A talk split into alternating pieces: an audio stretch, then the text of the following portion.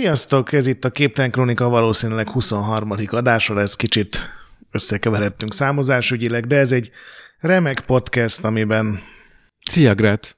Szia, Nem, Gret. tud, na, nem tudtam kivárni, hogy én- be fog-e mutatni, vagy köszönne, vagy nem köszön. Gret rendkívül szórakoztató történelmi anyagokat szórok gyöngyként két Hm? Hm? drága kollégám elé. Vékony, vékony jégen jársz, tesó. Oink, oink. Szervus Töki például, hogy csak az 50%-otokat emeljem ki. Szervusz, Gret. És Mazur, szervusz. Szervusz, szervusz, szervusz. És köszöntöm. Én köszöntöm a kedves hallgatókat is. Nem tudom, Én, hogy én is ezzel. szeretném köszönteni a kedves hallgatókat. Én visszamenőleg és előre menően is köszöntöm a hallgatókat. semmi másért nem hallgatják ezt a podcastet, mint hogy ilyen formális udvariassági Figyelj, én... frázisokat puffogtass. A modoros blognak vagyunk az azért audio Van, legyenek már ilyen sarokpontjai azért a, a tisztességnek, meg, a, meg, a, meg az Öreg udvariasságnak. modorosok vagyunk már. Öreg modorosok? Jó, oké. Na hát, Magyar Iparművészet magazin 1916 Ó. per 7-es száma. A Chicagói építészet is fiatalos és bátor, ennek nagymestere Frank Lloyd Wright a felhőkarcolók ritmikus tagolásával monumentális hatásokat tud elérni. Mármint az emeletekre gondol? Nem tudom. Hm. A Műgyűjtő című újság 1929. augusztusi számából. Ha az ember elmélyed valamely Frank Lloyd Wright véle ház tervében, abból az életöröm, a lakás szeretete, a természettel való összefortság, az egészséges életmód mosolyog feléje. A háza környezetéből nő ki, egyet alkot a kerttel, a tóval, az egész tájképpel. Félek kicsit, hogy mi lesz a téma, mert én a Frankfurt Wright-nak kimondtan szeretem a, az a munkásságát. Igen, nő igen, ki. abszolút organikus meg. 1937-es New Yorki világkiállítás Jó, nem hagy teret az aggájainknak. egyik új épületéről, vagy ír- épületéről írja az új nemzedék 37. november 10-i száma. Az egészségház tervezője és építője a híres Frank Lloyd Wright, Amerika legzseniálisabb építészmérnöke. És mi lenne, hogyha az épületek mögé néznénk, és az embert előásnánk, és megnéznénk, hogy... Ne, ne, ne, ne rásd le a sárba ezt a Dehogy is, szobrot. nem, nem, nem. Hát ahogy ugye megtudtuk, hogy a Getty Múzeum is milyen nagyszerű. Nem nyugtattad, nem, nem oszlattad el az aggájaimat és a félelmeimet. Istenem, na jó. Öld, öld meg egy újabb bálványomat. Dehogy is, nem, nem. Csak megnézzük, hogy, hogy milyen élete volt ennek a derék úriembernek. A magyar Wikipédia úgy fogalmaz, ugye sok építészettel kapcsolatos víványa között, hogy magánélete igen színes volt.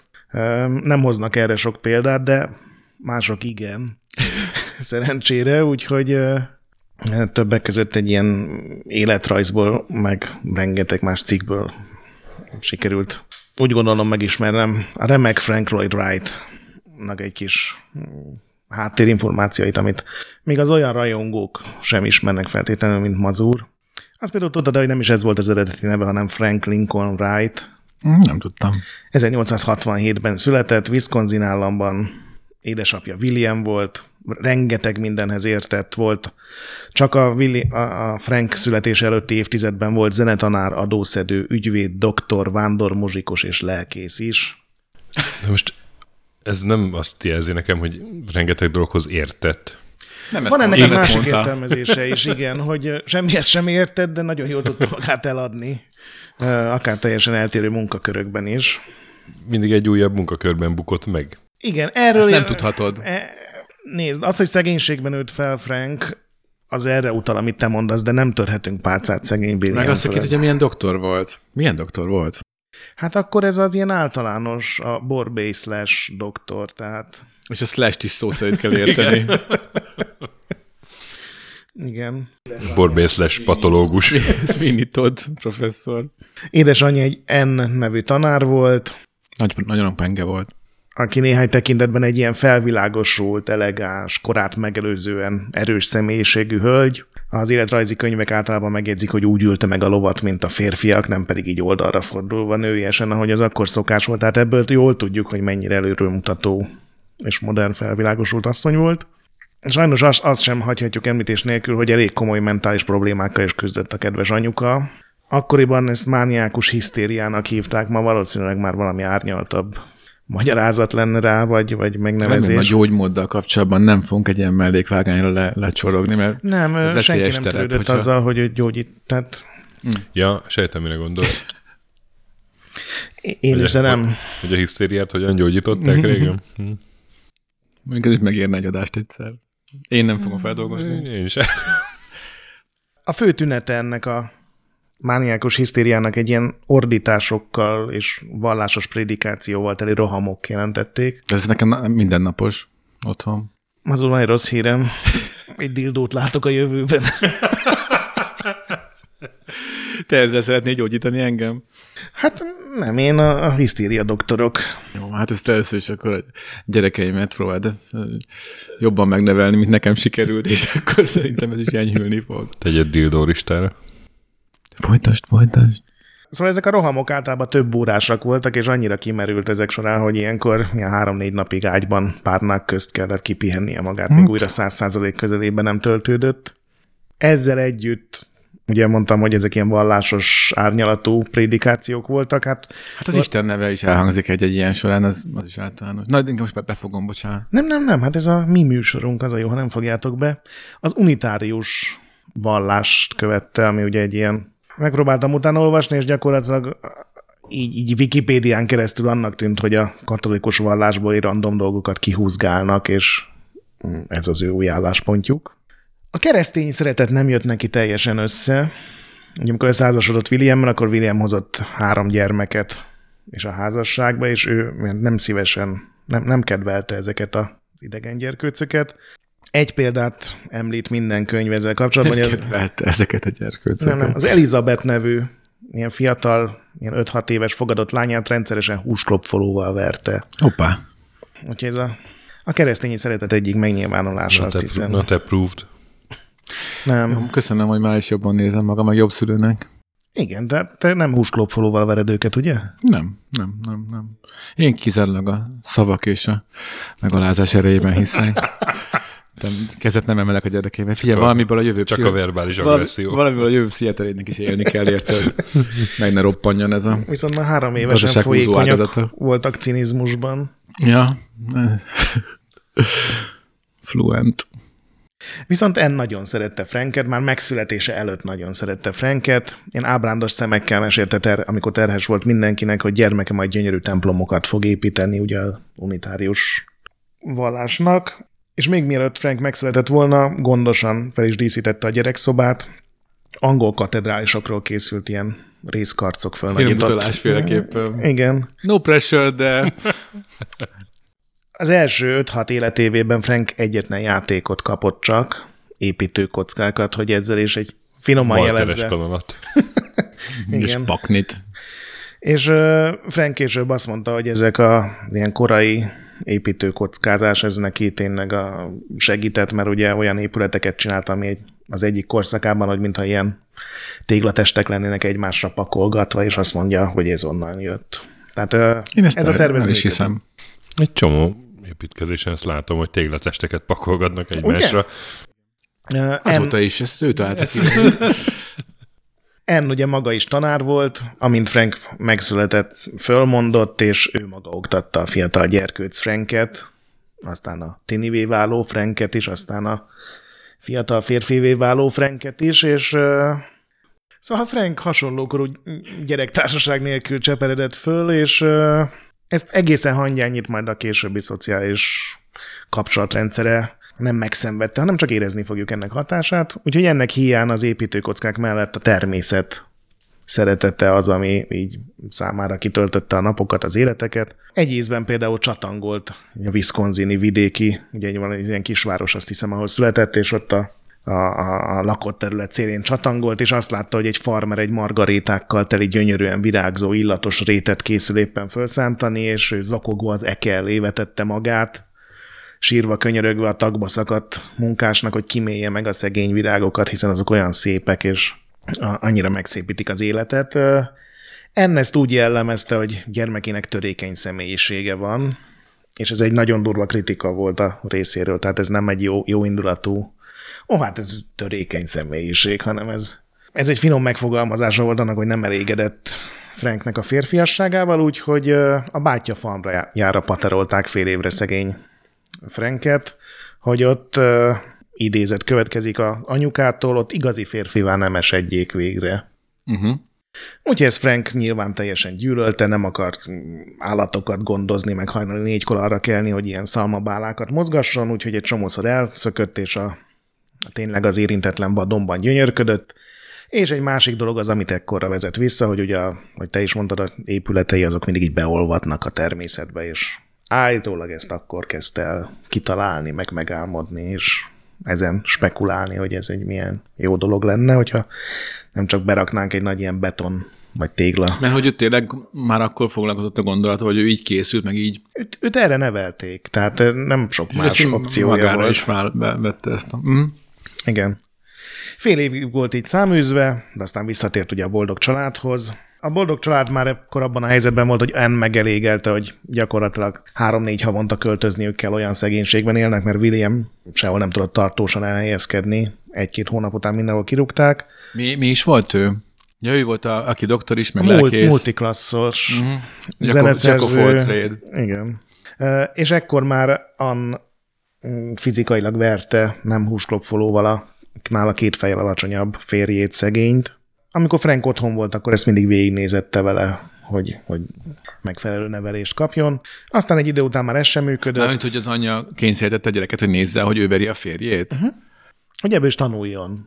Aha, az is a homeschooling része volt. És, a, és a, ennek dacára, ennek dacára a, a, a, az apa tartotta a gyerek érzékenységét nem elég férfiasnak. Nem, az anyuka tartotta. Ja, hogy nem, az, az ja, oké, akkor... Tehát az apádra ütsz, olyan, olyan érzékeny vagy, mint apád körülbelül, igen, gondolom, ez így pedig hangzott. én ütök apádra. Így van. Húsklopfolóval. Aztán egy idő után már ez sem működött, és egyszerűen kitette Williamet a három gyerekével együtt a hitvesi házból. William erre nyilván egy perrel válaszolt, ami a Lack of Physical Affection című tényállás, az a fizikai szeretet hiánya. Vonzalom, elhidegülés. fizikai vonzalom hiánya. Szóval ez egy, ez egy büntető törvénykönyvi állás volt akkor Wisconsinben. Mármint, hogy, a, hogy, hogy, hogy beperelte a feleséget, mert ő nem vonzolott hozzá fizikailag? Mármint a felesége hozzá? Aha, igen, igen. Hát, Értem. hogy, hogy nem, nem, nem fejezte ki megfelelően a vonzerejét. Gondolom a verés nem számított ennek. Hogy a pernek mi lett pontosan a végkimenetre, azt nem találtam meg, de az a lényeg, hogy William és Anne elváltak, Frank soha többé nem látta az apját, és anyai bíztatásra a Lincoln nevét Lloydra cserélte, mert ez volt a anyai nagyapjának a keresztneve, tehát Frank Lloyd Wright így jött létre gyakorlatilag. Egy ilyen gyönyörű családi út vezetett az, hogy felvegye nagyapjának a nevét. Itt körülbelül ilyen 19 éves, amikor ez megtörténik, amikor ugye általában egyetemre mennek a fiatalok. Enn itt már úgy döntött, hogy itt valószínűleg szükség lesz se- segítségre, mert, mert ezt az anyagot ő nem tudná átadni, úgyhogy valahogy valahogy bejutatta a University of Wisconsin Madison padjai közé a Franket pedig, nem hogy ilyen érettségé nem volt, de egyszerűen soha nem járt iskolába. Valahogy ezt el lehetett intézni, gondolom pénzzel. Frank életében először kortársai közé került, ami egy elég durva ilyen kultúrsok lehetett számára. A második fél évet már nem tudta elvégezni, hanem kibukott. Az egyetemről nyilván egyébként ilyen építészmérnöknek tanult volna, de sem az alaptudással nem rendelkezett, sem pedig a beilleszkedni nem nagyon tudott. El, elblitzelte a otthoni órákat. Biztos beteget jelentett, hogy Igen, hát így mutatta, az, az mutatta az egyetemen, hogy hát ha így pakolom a kockákat, hát milyen szép, nem? Úgyhogy természetközeliség, tudják, organikus építészet. Majd rólam. Majd elnevezem 20 év múlva, jó? Úgyhogy a 20 éves fiatal Frank Chicagóba költözik, távol édesanyjától, meg általában ugye az egész családjától. Nem volt se diplomája, sem gyakorlati tudása, de ugye Chicago szerencsére nemrég leégett, ugye az 1871-es nagy chicagói tűzvész. A, annyian építették újra a házukat, meg annyi új építkezés volt, hogy hatalmas kereslet volt mindenkire, aki tud rajzolni akár. Úgyhogy Frank el tudott helyezkedni egy rajzolói pozícióban. Ez állítólag még mindig van. Ez az a az ember, aki ugye nem tervez konkrétan, hanem a mások elképzelése alapján így megrajzolgatja. Műszaki rajzolóra Ez, ez, gondolsz. ez olyan, mint a képregénynél a kihúzó. Igen, valószínűleg igen, de én így találtam meg mai Nem, mint hogy ez egy, persze, ez egy szakma, hogy nem, meg, meg lehet tanulni műszaki rajzolnak, az, az meg, megint más, hogy felségem például először az volt, és utána végezte el a- az építés súlyt. Uh-huh.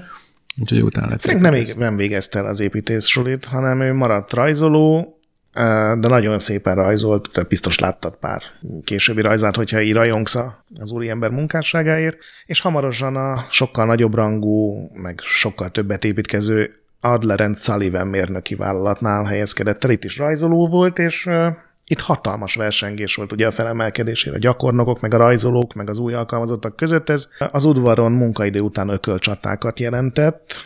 Mármint, hogy így, így ez volt az elő, előválogatás egy projekthez? Hát nem hiszem, hogy hivatalosan, de önszerveződő kivál, kiválasztódás. Kiegyezett ceruzákkal.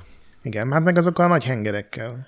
Egyébként ezt láttátok, hogy milyen, már nem tudom, hogy erről, erről fogsz én beszélni, hogy, a, hogy a, akik rajzoltak, meg egyáltalán az építészek, hogy hogyan dolgoztak még, a, még az Archiked előtti időszakban, ami hát elég sokáig tartott az építészet történetében, hogyha mondjuk így arányosítjuk. Uh, ahogy ilyen, ezt láttam egy fotót, ami nagyon megmaradt bennem, ilyen, ilyen teljesen jól öltött, nyakkendős, fehéringes föld, hasalnak, ilyen óriási papírokon, meg ilyen és hát ugye ott, ott úgy szerkesztik ezeket a, ezeket a nagyméretű tervajzokat. Nyilván ugye... Most képzeld el, hogy ugyanez az úr kimegy és elkezd bunyózni ilyen harcosok klubja módjára sötétedéskor. Ha belgondolsz, ezért mondjuk pont ez a gyerekkori elő, előképzettség, ahogy a hasonlva rajzolsz, meg zsirkétázol a nappaliban, ez egész jól fölkészített erre a szakmára is. Igen. Azt nem tudjuk, hogy itt volt-e tehetséges Frank, vagy, vagy más módon történt, de összeismerkedett, összebarátkozott az egyik ilyen névadóval, a Sullivan úrral, ugye ővé volt a fél cég, aki szárnyai alá vette a tehetséges rajzolót, felismerte, hogy, hogy talán többre hivatott, mint a többiek, hiányban nincsen képesítése. Úgyhogy Frank élete tökéletesen alakult, már volt rá pénze, meg ideje, hogy elmászkáljon mindenféle szociális helyekre, ismerkedjen, és egy ilyen templomi maszkabálon összetalálkozott a 18 éves Catherine Tobin nevű hölgyel. Aj, aj, aj, templomi maszkabál. Milyen egyházról beszélünk? Szerintem katolikus volt ez, úgy emlékszem. A, ez jó beöltözős mise. Nem, nem, hát ez a, a templom által szervezett ilyen állarcos bál. Gondolom Halloween Egy ilyen közplay. A hölgynek Kitty volt a beceneve, amiben van egy ilyen kis budoár hangulatú báj, úgyhogy másfél évvel később, 1889-ben össze is házasodtak, Sullivan is ott volt az esküvőn, és pazar mennyegző Jannikot kapott tőle az ifjú pár 5000 dollárt, egész konkrétan egy 5000 dolláros kölcsönt, ott kellett aláírni a szerződést, ugye Franknek a frakban. Az Várj, ezért nem pont ugyanaz a kettő. Nem, és, és amikor megtudtam, hogy van ilyen opció, akkor elgondolkodtam azon, hogy mennyit szenvedtünk, hogy a stöki esküvőjén is keressünk valami vicces és fiús ajándékot, pedig egy kölcsönnel mennyivel többre mentünk volna. jó, jó, Megfelelő kamatlábakkal persze. Amiről már mindig emlé, eszedbe jutunk. Igen, akárhányszor 250 százalékos. Hó elején mindig gondolj ránk. Igen, heti törlesztés. Igen, Provident hozzátok képest ilyen által szeretett szolgált lehetett volna. Igen, hát ebből is látjuk, hogy Sullivan mennyire kedvelte a fiatal tehetséges de lehet, hogy ez egy jó, jó fejgesztus volt, de felteszem nem, hogyha De egyébként ez elő. sok pénz volt. Hát szerintem hát nem. Hogy ne? Ez mostani áron ilyen 5 millió forint fölötti összeg. De hogy, de hogy tehát most ebben az volt akkor a jó felség, hogy jó feltételekkel adtak nekik ezt kölcsön, vagy segítségként. Valószínűleg igen, csak szerintem mókásan hangzik, hogy valakinek hát esküvőjátékba kölcsönt adsz. Igen, picit el jutott eszembe a Woody Allen poénja, a gyönyörű aranyóra, nagyobban a halálos ágyan adta el nekem. hát, hogy kicsit ilyen, ezek a, ezek a ilyen Kedves kontext... csillagozva. Igen, tehát ez a, ez, a, ez a rossz helyen, rossz időben, ami teljesen normális és hétköznapi tranzakcióról beszélünk, de valahogy mégis idegenül hat a, a adott helyen. Egy teljesen jó fejgesztus is lehetett volna, de nem esküvői ajándékként. Igen. Mindenesetre Frank örült, hogy egy ilyen hatalmas összeghez jutott egyben, tudott vásárolni egy telket, Chicagóban, és felépítette az első házát, ami tényleg a saját tervei alapján épülhetett. Ez volt az Oak Park, mint Tölgy, Tölgyfa Park nevű épület. Szomszédjuk édesanyja lett N, aki azonnal oda költözött, amint fiacskája fix helyre tudott a bérelt lakás helyett menni. Az anyós ugye... időközben már rendeződött a viszonyok, mert ugye hát, az hát az előle menekült el. Nem, nem, nem. Hát az anyja rakta be, anyja, anyja intézte el, hogy mehessen egyetemre. Aztán elment Azt hittem, hogy a, a, a, a, azért ment el, mert hogy már nem szerette volna nézni, hogy húsklopfó vagy anélkül veri a, az anyja a fél, az apját. Hát szerencsére azokat a gyerekeket már sikerült eltakarítani onnan, tehát már ez a látvány ez nem mérgezte, és az Ja, sem, hogy az aha. apját verte volna kézzel, hiszen őt is sikerült kirúgnia. Úgyhogy tökéletes volt Tehát az otthoni család jó volt a élete. viszonyuk. A, értem, Igen. értem. Hát az lehet, hogy egy picit rontott rajta, hogy En nagyon nem kedvelte Kittit, és, és úgy gondolta, hogy nem lenne jó, hogyha Frank elvenni a fiatal lányt, és ez az eskü előtt egy 20 percig magyarázta neki a szertartás előtt, Még hogy késő, fiam.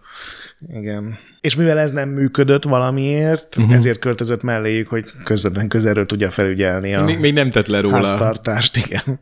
Ez a hat éves korában abortált gyereknek a Még, még csereszabatos.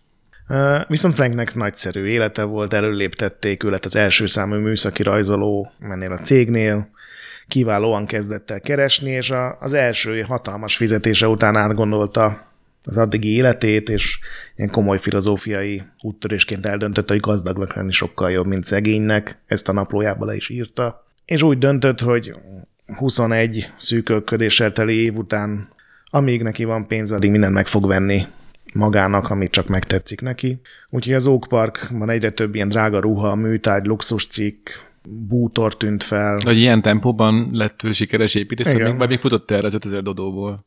Nem, az a, abból a ház épült. Tehát ez az a korszak volt, amikor 1000 dollárból egy full nagy kétemeletes házat tudtál építeni. Frank egyre sűrűbben cserélgette autóját is, meg Kittynek is az autóit is, hogy ugye feleségese ilyen fél évnél régebbi szemetekkel kelljen, hogy járnia. A házban a kedvenc szobája az volt, amit antik kandeláberekkel és csillárokkal töltött meg. Nem csak a plafonról fügtek, hanem már a padlót is elfoglalták, annyi volt, ez volt az ő kis gyűjteménye. És ennek következményeként Frank állandóan le volt égve, tehát megkapta a fizetését, azt egy héten belül elverte valami Kandeláberre. kandeláberre. Hát nézd, egy ilyen díszes, aranyzománcos csillár mindenkinek jól jön, hogy legyen most már tíz a teljes készlet. És ez egy ideig zavarta, aztán megtalálta rá a megoldást, elkezdett feketézni más építész cégeknek munkaidő után, aztán később már munkaidőben is. Mármint fusizni. Igen. Sajnos az apró betűs részben ott volt a Feketézés szerződésében. azért egy picit erős szerintem, mert nem csak, a, nem csak az ismertség körben lévő építészek miatt mondom, de na mindegy, mindegy, mindegy. Szóval elfelejtett elolvasni az apró betűs pénzt a szerződésében, ez nyilván ki volt kötve, hogy nem szabad, sőt, még az esküvői szerződésben is benne volt, hogy e- ezzel a hatalmas kölcsönnel Sullivan tulajdonképpen megváltja az exkluzivitását Franknek. Ilyen Kiváló ajándék, ez tényleg.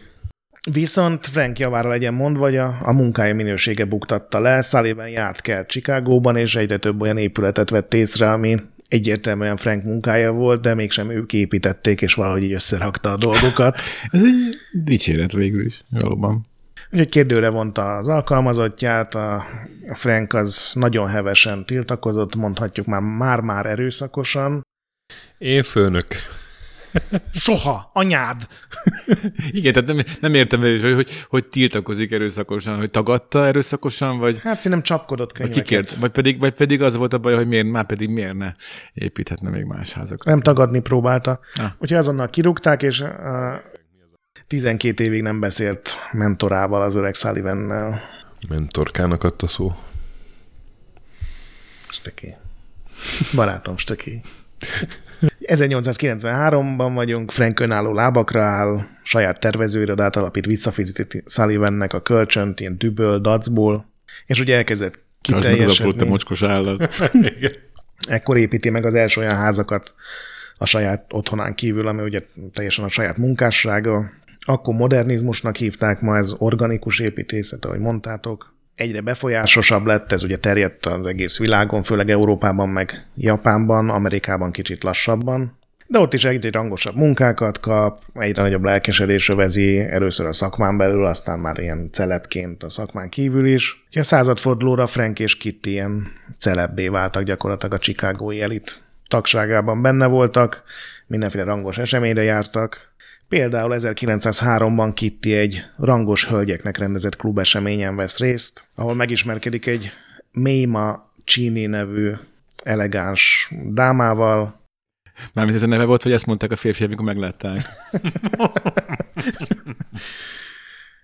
Ez sokkal jobb poén volt, mint az előző, ami kijött a stökiből, de nem, ez, ez a furcsa neve, ez a Méma. És ez a Méma nevű hölgy, ez elkezdte neki panaszolni ugye a gazdagokat sújtó egyik pokoli megpróbáltatást, férjével új, hatalmas otthont szerettek volna építeni, de egyszerűen lehetetlen megbízható építést találni manapság. Az összes kókler.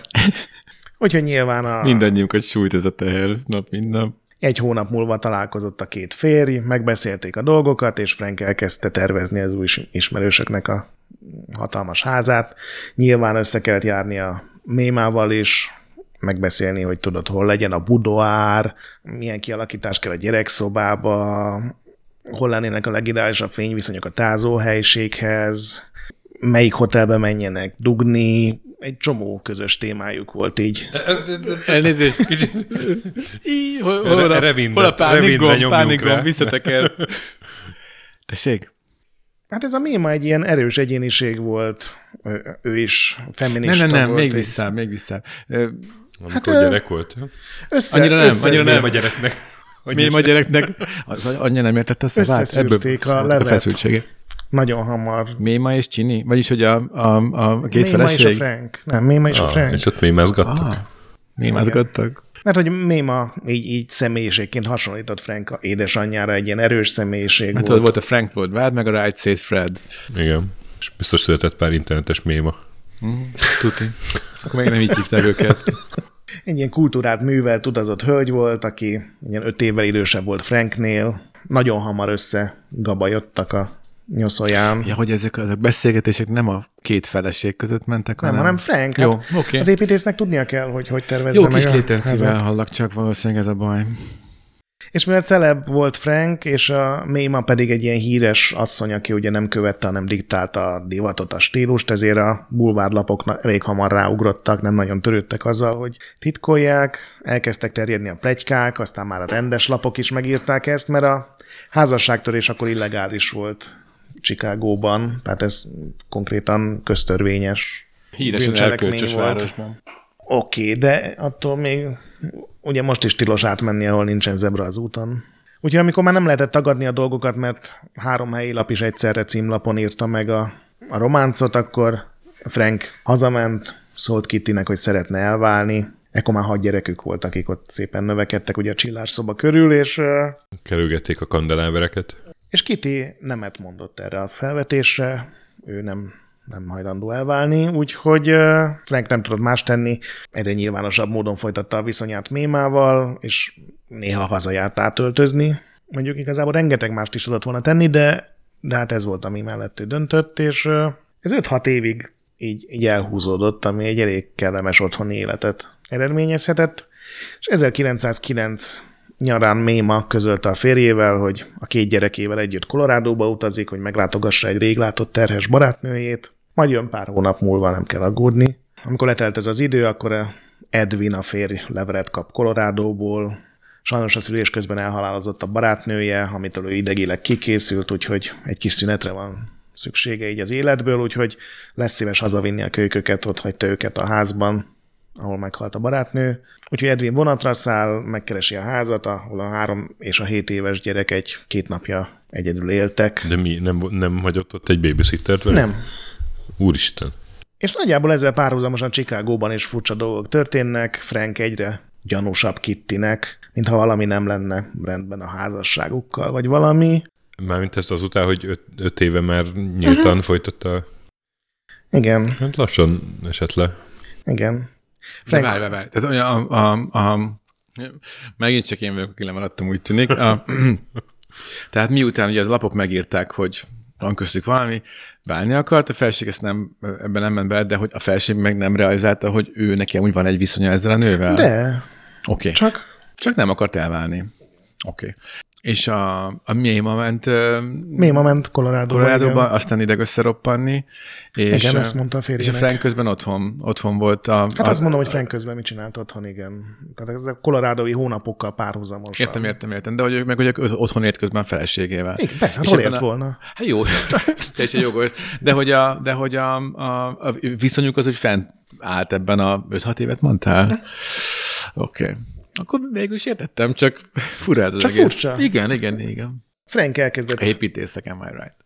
sokkal nagyobb előz, előlegeket kérni, sokkal több munkára, mint amit eddig párhuzamosan el tudott volna vállalni. Kölcsönöket kért minden ismerősétől és üzleti partnerétől is, pénzét tette a magánstúdióját, meg a japán műtárgy kollekciójának a legértékesebb darabjait, és Kittynek főleg a stúdióadása volt nagyon furcsa, mert az Franknek nyilván az ilyen munkaszentélye volt, ahol ugye alkotott és a kreativitása kiteljesedett, és Kitty kérdőre vonta szerető férjét, hogy mégis mi folyik itt. Ott volt mellettük 13 éves David fiúk is, amikor ez megtörtént, hogy az ő lelki fejlődése is tökéletes legyen, és Frank nyíltan közölte vele, hogy hát akkor ennyi volt, ő elhagyja, mással akar élni. Szeretett volna már rég elválni, de hát nem mentél bele asszony, mit vártál? Aztán Davidhez fordul, és közli fiával, hogy mostantól te vagy a férfi a házban, vigyázz anyádra, és átnyújtott neki egy borítékot. Aztán megfordult, és nyilván a rengeteg pénzzel, amit ugye begyűjtött. New Yorkba utazott. És vitte magával a kurva kandelámbereket? Vagy ezt nem, azt, azt ott hagyta, amit nem adott el belőlük. Most te vagy a férfi, vigyázz a kandelábereimre. New Yorkban találkozott Mémával, bármilyen furcsa, luxushajó úton Európába utaztak, mert ott Franknek megjelenés előtt állt éppen az első könyve. Ami Mémával? Uh-huh. Aki közben kigyógyult a nem szülés utáni depresszióból. Hát ha volt egyáltalán barátnő, és volt tényleg idegös ah, Szóval ez egy... akkor nekem a esett, a, a történelemben nekem esett le utolsóként, akkor hogy ez egy, ez egy csel volt. Igen. Hát, a... Team Kitty. Innen üzenem akkor, hogy Hello Kitty. Átérzem. A gyereknek... Er- erős nő volt. Igen. Kitty pencél volt.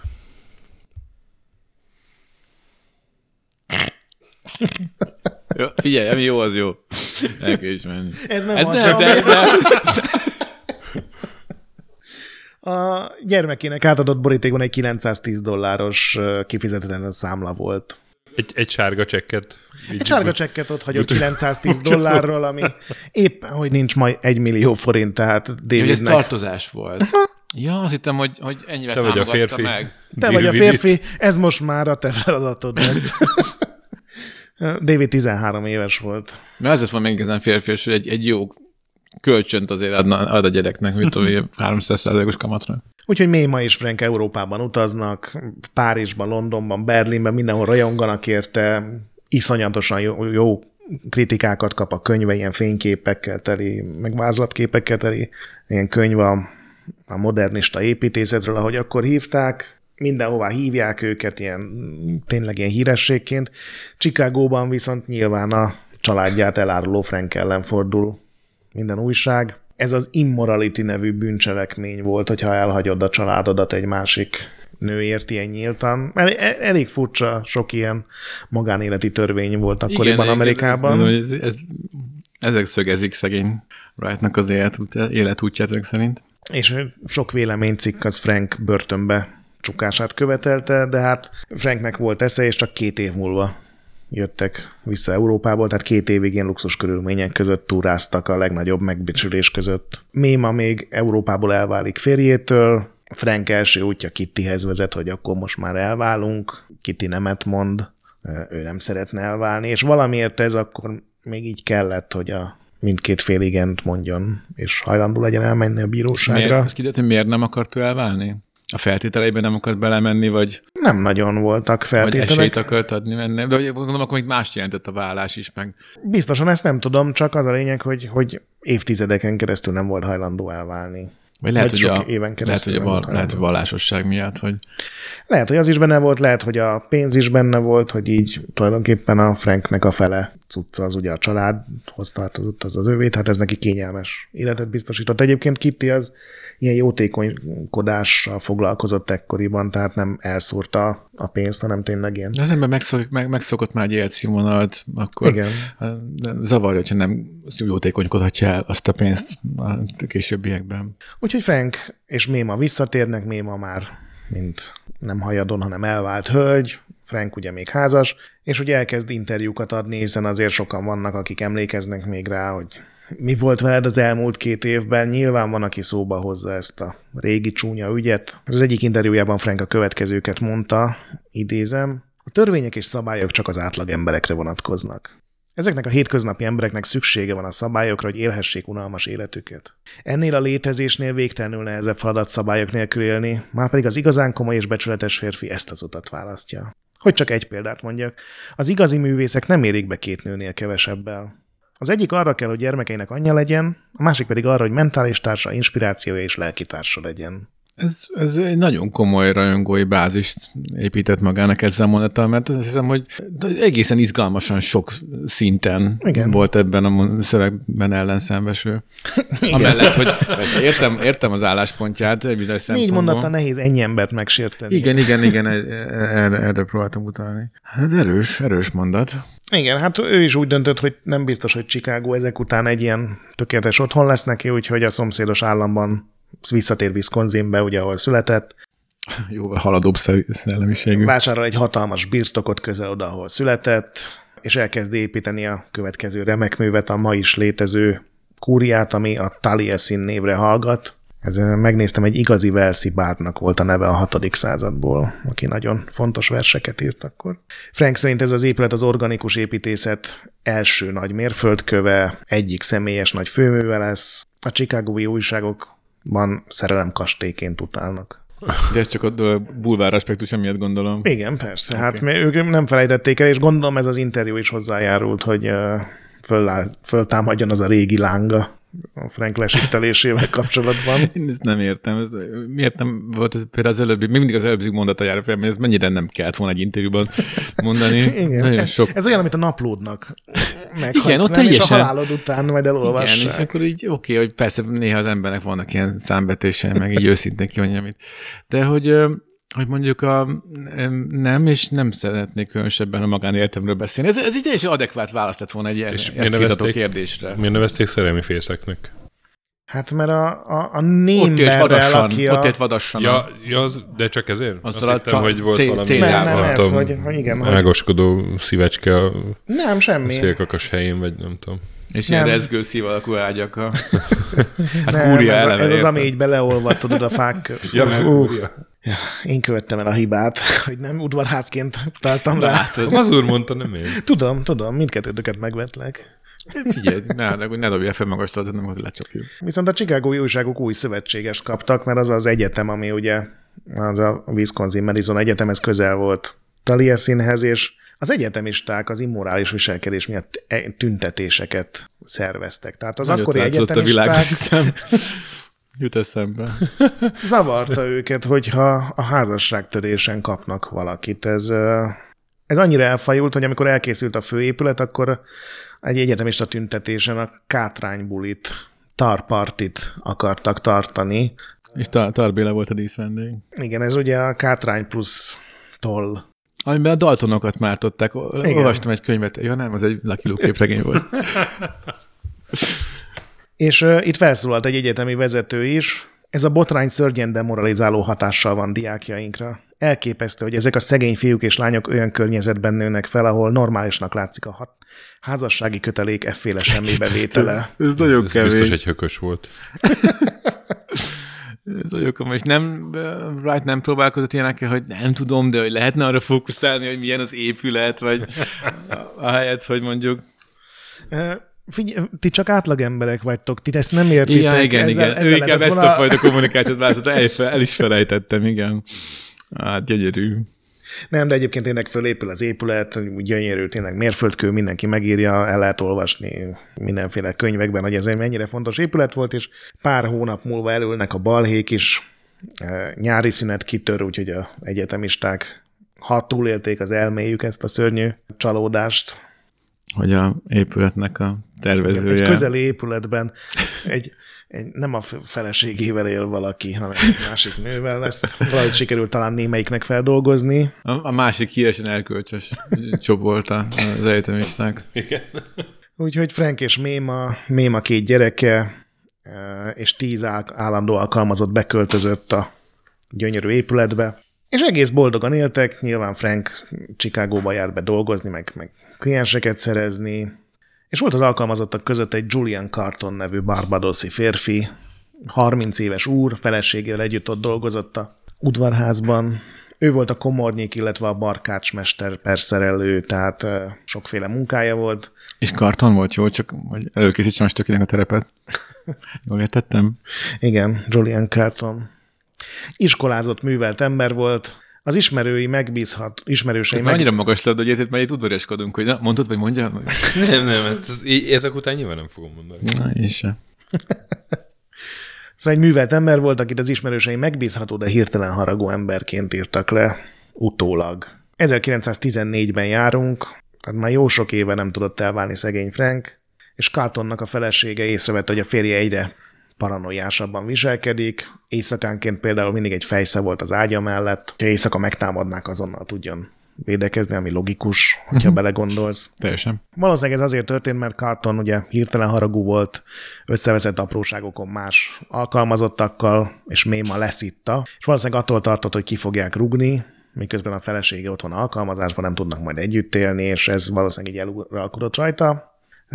Egészen annyira, hogy augusztus 15-én, amikor Frank Chicagóban volt éppen, Méma pedig két gyerekkel és hat vendéggel vacsorázott. Ez a Julian besétált a szobába, hiszen ő volt a komornyék, tehát mégis lett volna joga, szétlocsolt egy kanna gázolajat, meggyújtotta azt, kifutott az épületből, majd azt a többiekre zárta. Nyilván az ablakon kiugrálva kezdtek el menekülni, ahol ugye Julian és a fejszéje várta őket, sajnos. Úgyhogy a kilenc megtámadott emberből csak ketten élték túl ezt a Azt a... Pranket. igen, ezt a kúpéságot, ők a sötétben egy kilométert futottak a legközelebbi szomszédhoz, ott nyilván rendőrt hívtak, de hát ez ugye nagyon vidéken van, este van, úgyhogy a szomszéd által összetrombitált helyiek érkeztek meg, és ők találták meg, ugye utat törtek a füstölgő házba, megtalálták a összeégett, vagy a fejte, fejsze által okozott sebekkel teli testeket, sajnos a két gyerek is köztük volt, csak két vendég élte túl. Egy óra múlva értek ki a rendőrök, tehát pont időben, ahhoz, hogy megtalálják ezt a Julian Carton barátunkat, ő a pincében volt, a kazánban kuporodva. A helyiek szerették volna meglincselni, a rendőrök bevitték a börtönbe, aztán megpróbálták kihallgatni, de ez nem ment könnyen, mert Carton jobb hiány lehúzott egy üveg sósavat, mielőtt bekuporodott volna a kazánba. Úgyhogy Carton az elkövetkező két hét alatt tulajdonképpen éhen halt, ami azért nem egy barátságos halál valószínűleg. Nyilván beszélni sem nagyon tudott ilyen állapotban, annyit biztonság kedvéért elárult a rendőröknek, hogy nem ő volt, aki csinálta ezt. De hát ugye nagyon nem lehetett kihallgatni. Frank nyilván eszelős gyászban van, eh, saját kézzel temeti el Mémát meg a két gyereket, tehát ő ássa nekik ki a sírokat ott a birtok mellett. Az újságok pedig nyilván arra koncentráltak, hogy mi a fontos, idéznék néhány kiragadott újságcímet. Ajaj. Hét embert mészároltak le a szerelem bungalóban. Egy őrült fekete írta meg Frank Lloyd Wright és Méma Bortwick románcának utolsó fejezetét. A szerelem királyságának tragikus végzete tökéletes bizonyíték rá, hogy a bosszúálló angyalok még mindig a földöt járják. A mészárlás egyértelmű bizonyítéka az isteni gondviselésnek. Szóval Jézus mája. barátságos sajtómunkások. Tehát egy ilyen együttérzés. Együttérzésükről biztosították. És ezek milyen, milyen újságok voltak? No, no, Ezek ilyen helyi, Wisconsini, meg városi, meg szemle. megyei. ja, Istenem. Nem, mert ezek a nyilván ilyen bulvár is. Tehát ezek nem, ezek nem, komoly, ezek nem komoly sajtótermékekben ilyenek. De. Komolyan. Hát tényleg elképesztő. Úgyhogy Frank gyakorlatilag szinte saját kézzel, bár nyilván ebben azért kellett segítség, és elkezdte újjáépíteni Taliesin-t még nagyobbra, még biztonságosabbra berakott tűzálló falakat, meg mindent, és amikor ez sikerült, ez nyilván egy jó év volt, egyedül beköltözött az épületbe, ami nyilván tökéletes hatással volt a lelki békéjére, meg a hangulatára. És néhány hónappal később, amikor már az a média őrület is alább hagyott, akkor kopogtattak az ajtón, benyitott egy nő, bemutatkozott, hogy az ő neve Nelly Bream, és hogy őt Franknek egy magát megnevezni nem akaró ismerőse küldte őt Chicagóból, hogy akkor költözzön be, és takarítson és mosson rá. És Frank úgy gondolta, hogy ez egy normális dolog, úgyhogy ez a nő beköltözött Taliesinbe, és a kertész leszámítva tulajdonképpen egyedüli alkalmazottként látta el Franket. Ez egy ilyen nagyon katolikus, vallásos nő volt, akinek ez egy ilyen küldetése volt, ő az újságban olvasott, de nyilván ő nem röhögött ezen a katasztrófán, hanem megsajnálta Franket, és úgy döntött, hogy ő lesz az ő védelmezője ezek után, és ezt olyan komolyan vette, hogy a takarításon, főzésen, meg házi munkákon kívül ő olvasta el Franknek minden levelét, amivel nem nyerték, amik nem nyerték el a tetszését, ezt elégette, Amikről úgy gondolt, hogy érdemesek Frank idejére, azokat odaadta neki. Tehát ilyen előszűrte a Hát dolgokat. A házi cenzor. Igen, ami, ami teljesen jó dolog szerintem. Tehát, hogyha egy nő bekopogtat, és azt mondja, hogy ezen túl szűrni a levelezésedet, az hasznos dolog. Bejáró nőt és házi cenzort keresünk. Igen. Frank erről vagy nem tudott a nyilván a, a gyászában, vagy nem nagyon törődött vele, úgyhogy ez hónapokon keresztül így ment, és aztán egyik este, miután felszolgálta neki a viszkijét, Nelly egy elegáns, illatozó levelet tett le Frank elé, nyilván felbontva, hogy ezt, ezt mindenképp olvasd el, mert ez jó lesz. Az életrajzában, Frank amit olvastam... nem foglalkozott ezzel, vagy hogy, majd, hogy nem, tehát nem, nem, nem érdekelt ez az egész. Nem, szerintem... Nem volt olyan szerintem állapotban, vagy... ilyen, Ez a gyásznak köszönhető, hogy Aha. egyszerűen szart mindenre. Uh-huh. De ez az én elméletem, tehát Igen, Igen, nyilván nem nem lehet. is érteni, hogy de hát mondjuk ebben a, a korábbiak után mondjuk ez teljesen érthető lenne. A levelet egy, egy tehetős, elvált hölgy, hölgy írta, egy Maud Noel nevű nő, akit mindenki Miriamnek hívott valamiért. Teljesen Franknek a kedvenc uh, nőfajtájához tartozott, ha Zsánere. fogalmazhatok. Igen, ezt a szót kerestem, bocsánat. Zsánerihez tartozott. Ez nőfajtáj. Majd vág ki. Már éppen bocsánatot kértem volna ezért a. Egy ilyen művelt, elegáns, világlátott nő. A kis nő határozót így el lehetne venni. Sokáig Párizsban élt, de hát a világháború miatt visszaköltözött Amerikából, a divatlapok egyik e, ilyen fontos alakjává vált, hiszen a legújabb párizsi magas divatot hozta át Amerikába. Ez a leírások szerint turbánt jelentett, színes sálakat, ilyen fagolyókból készült öveket, meg bundaköntösöket egyszerre. Ez, ez volt akkor a párizsi divat, úgy látszik, és ezek a levelekben Nyilván az elején még elég sok részvét is volt benne, de nagyon hamar megjelentek ilyen erotikus, csábosnak szánt megjegyzések. Ezt a, mondom az, hogy... Csápos? Én is azt csábos, értettem. Csábos. nem, nem kutulú. Ne, még csak nem is arra gondoltam, de Az életrajzban Steamy Sympathy Letter néven emlegetik, tehát ez a füllett részvét távirat. ez egy erotik- létező zsáner? Nem, szerintem nem, de hogy ez volt a leírás. Például Miriam a Franket a levelekben rendszeresen az ébren látott álmaim nagyurának nevezte, ami egy, egy egész jó title. Hát nem mondom, nem mondom, de még mindig ott tartok, hogy még rajta kívül más is alkotott ebben a műfajban. Nem, ez egy elég... Ez Steamy Sympathy Letter. Nem, ez szerintem még nincsen, a, tudod, az ilyen minden esély, vagy minden alkalomra egy üdvözlő lap. Tényleg, ez, ez egy piaci rés. Nagyon Legyárthatnánk. szűk récs. Sajnálom, hogy meghaltak a gyerekeid. To, from. Igen. Um, too soon élek. Vagy nem tudom, még csak ötletelek, hogy milyen képes lapot tudnánk gyártani, de érzette is, nem a piacirést. Na nyomd, nyomd. De a ritka taktika bejött, tíz hónap múlva Miriam beköltözött Taliesin gyönyörű falai közé. Frank erre való tekintete megkérte Kitit, hogy váljanak el, de nem jött össze a dolog. Nem mondta el, hogy új szeretője van, csak hát figyelj, Erőt eszembe jutott. eszembe. Mi lenne, ha... Rég dumáltunk. Emlékszel, 15 éve nem érünk együtt, emlékszel még? És ki, ki ti hol élt? Kitty még Chicagóban, az Oak Parkban, Oak Parkban. a, a kandeláberek Ja, ja, ja. körül. Igen, igen, igen. Miriamről beköltözése után kiderült néhány olyan dolog, amit a levelekben elmulasztott megemlíteni.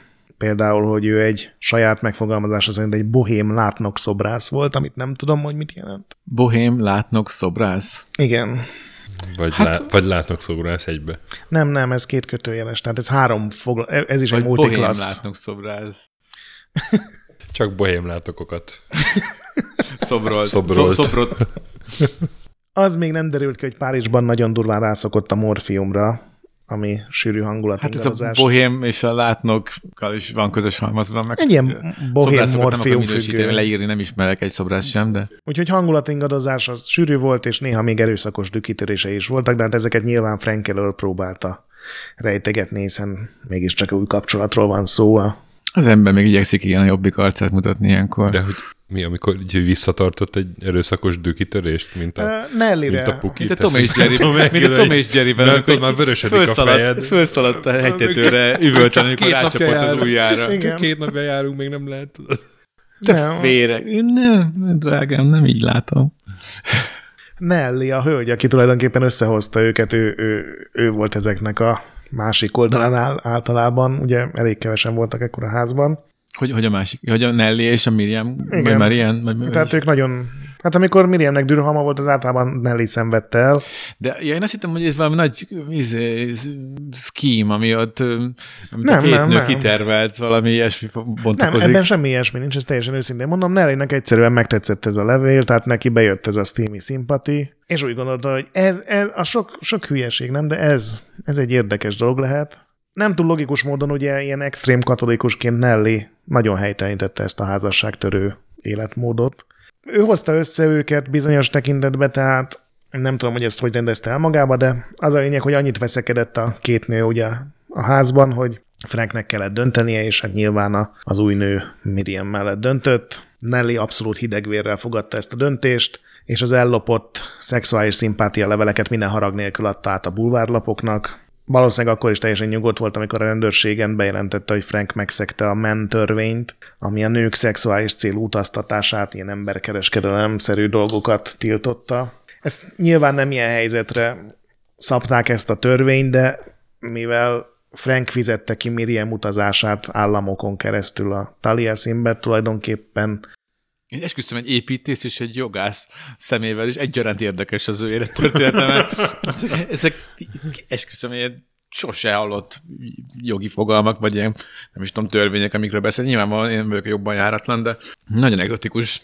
Igen, hát mondom, ez a MEN törvény, MEN Act, ez nem erre volt kitalálva, ami itt történt, hanem tényleg ilyen, ilyen elrabolt, meg szex rabszolgaságba kényszerített nőkre, de illet rá tulajdonképpen a törvény megfogalmazása, és mivel a serifnek is rohadt túl a bögyében volt ez a házasságtörő gonosz ember, ezért ő úgy gondolta, hogy ez egy jó dolog lenne így használni ezt a törvényt, úgyhogy feljelentették hivatalosan is Franket Miriam Illinoisból szexuális célzattal Wisconsinba utaztatása miatt. Franknek sok pénze volt, meg sztárügyvédje, meg igazából igaza is. Nem emlékezem. Hát nem mindig számít, de itt most mellette volt ez is, úgyhogy minden vádat ejtetett a bíró, ami nyilván az összes bulvár magazint újabb támadásokra ösztökélte. És erről az időszakról beszélt később, sokkal később, évtizedekkel később Frank egyik fia, amit csak azért rakok be, mert, mert ez az idézet, ez több, mint furcsa, tehát ez a, nyilván angolból én fordítottam, tehát nem tökéletes, de ez volt a ritmusa. Az a nő elcsábította és megragadta és ráncolta, aztán magával rántatta és elnémította és megdugta atyámat. Apám annyira elcsábítva, kényszerítve, uralva, fenyegetve, besorozva, megsemmisítve létezett, hogy néha már nem is létezett. Kapott egy szinonimus szótárt karácsonyra, Kicsit ilyen Wayne Chapman-esen túlírt. Igen. De az Szerette hogy, a jelzőket, na. hogy, hogy vele is minden rendben volt, tehát ez jól jött ki ebből a helyzetből. vagy csak slam poetry-ben utazott, és ez igazából egy ilyen egy műve volt. Ja, úgyhogy uh, Frank elkerült egy ilyen koholt bosszúpert, van egy mániákus, de nagyon művelt Megdugta szeretője. Uh, Minden újság a vérét szívja, és mindenki ellene van. Nem jó a, Jön a hülye szavaival. De nézd meg a szótárban. Úgyhogy Frank úgy dönt, hogy az lenne a legjobb, hogyha megint pár évre áttenni a székhelyét egy másik kontinensre, aktiválja néhány kapcsolatát, összeismerkedik a japán építészekkel, és megszerzi a Tokiói Imperial Hotel újjáépítésének a megbízását, azt leégett ez a hatalmas a császári park melletti hotel, és elvállalta ezt a munkát, ez négy évig tartott, szinte csak és kizárólag ezzel foglalkozott. Ezekről, hogy ott mi történt, arról nem nagyon van tudomásunk, hiszen a japán újságírók nagyon udvariasak, és hát vagy legalábbis nem ennyire a- alávaló. Hányban járunk most? ez, uh, Meg hát japánul is írnak. igen, Nem, a Greta tud japánul. ennyire azért Még el nem. is olvashatta volna. Ez olyan 1900, az első világháború után vagyunk. 1923-ban térnek vissza, nem 22-ben térnek vissza, és négy évig voltak kin. Úgyhogy annyit tudunk erről a négy évükről, hogy Frank ilyen napi 10-15 órát dolgozott a hatalmas projekten, ez tényleg egy ilyen óriási nagy hotel volt, Miriam pedig az akkor Japánban ugye még az ópium barlangok és hasonló intézményekben nagyon könnyen beszerezhető heroinba menekül, sokkal nagyobb tempóban használva a cuccot, mint bármikor korábban, úgyhogy Frank is rá kell, hogy jöjjön erre a turpisságra, hiszen most ketten laknak egy lakásban. Egyetlen egy jó híre van Franknek ez alatt a négy évvel, négy év alatt, a hotelt leszámítva, mert az tényleg ilyen hatalmas egyik főművének tartják, legalábbis az addigi karrierjében. Kitty teljesen váratlanul 1922-ben beadja a vállási papírokat, ami egy jó hír. Egy feltételt szab Kitty, Franknek egy teljes évet kell várnia, mielőtt újra nősül. Nem hiszem, hogy ez egy ilyen legális dolog volt, de Frank betartotta, és napra pontosan egy évvel később, 1923. novemberében már Amerikában, nem, még Japánban összeházasodnak, 24 elején térnek vissza Amerikába, de már azonnal szétköltöznek, Frank megy Taliesinbe, ugye hazatér, Miriam pedig olvasott egy magazincikket arról, hogy a Mexikóból érkező heroin elárasztotta Los Angeles-t, és úgy dönt, hogy ez egy remek turisztikai vonzerő a számára, úgyhogy Los Angelesbe költözik, mert sok a mexikói heroin. Franknek az a vágya teljesült, hogy a sajtó feledkezzen el az összes mocskos kis ügyéről, viszont az egész világ elfeledkezett róla gyakorlatilag, nincsenek kliensei, mindenki mással dolgoztat, megváltozott ugye a világ. Úgyhogy kicsit lecsúszott, már pocakosodó 57 éves Frank elkezdi ugye a Chicagói meg a Wisconsin mindenféle városaiban járnia, különböző klubokat, színházakat, rendezvényeket, hogy így szerezzen új klienseket, és körülbelül fél évvel a szétköltözésüket követően egy délutáni balettedő adáson vesz részt, ahol egy 26 éves montenegrói hölgy Olga Lazovics Hinzenburg mellé szól a jegyet, teljesen véletlenül. Frank úgy fog... Nevét a szabad. Olga Lazovics Hinzenburg. Hm? Frank öt perccel később, hogy megpillantja a nőt, randira hívja, később életrajzában úgy fogalmaz, hogy ott és akkor beleszeretett élete párjába. És hát nyilván azonnal összejönnek. Ugye 31 évvel idősebb, mint a hölgy, aki természetesen férnél van, hiszen a Hinzenburg az a férjének a neve. Neki is egy egész élet, érdekes élete volt, egy vak főbíró, montenegrói főbírónak volt a lánya, aki dúsgazdag férjével beutazta Európát, viszont azonnal ott hagyta férjét és a kislányát, amikor az örmény George Ivanovics Gurgiev nevű misztikus guru által szervezett szekta tagja lett. Ez az Ember Harmonikus Fejlesztése Intézet uh-huh. nevű szervezet volt, és itt szent... Mindent az ember harmonikus fejlesztéséért. Igen. Nyilván. Itt szent táncosi képzést kapott magától a gurutól. Hmm. Sajnos a gurút 24-ben elcsapta egy autó, életben maradt, de feloszlatta a kis kultuszt, Olga csalódottságában pedig Amerikában. Hasonlóan bosszus férj vezethette esetleg. Úgyhogy Olga és Svetlana nevű lánya csalódottan Amerikába költöznek, és ugye itt ismerkedett össze a... Olga végezetlenül. Dali, Daliás Frenkel. Nyilván azonnal összeboronálódnak. Daliás bár pocakos. Hát jó, most... Tetszik, hogy ezt összepróbáltuk boronálni. Ilyen subliminális üzenetekkel próbáljuk terjeszteni, hogy a... Dead Bodies. Három, visszatér a három bró, négy mázsa projekt. Úgyhogy pár hónappal később Olga és Svetlana, ugye az a lánya, beköltöznek Taliesin. Még szebb, még gyönyörűbb falai közé. Taliesin 2.0. Igen. Olga egy évvel később elválik a kedves férjétől, aki ugye Európában nézi a falat valószínűleg, hogy mi történt vele. Frank megkéri Miriamot, hogy válj, ugyan már váljanak el, te itt teszed a heroint, én meg ott vagyok. Nyilván nem mondja el neki, hogy van egy új szeretője, de Miriam, amikor már majdnem ott van a helyzet, hogy aláírja a papírokat, akkor mit tesz Isten talál egy Frankről szóló cikket egy magazinban, ami ugye elmondja, hogy már montenegrói szeretője van.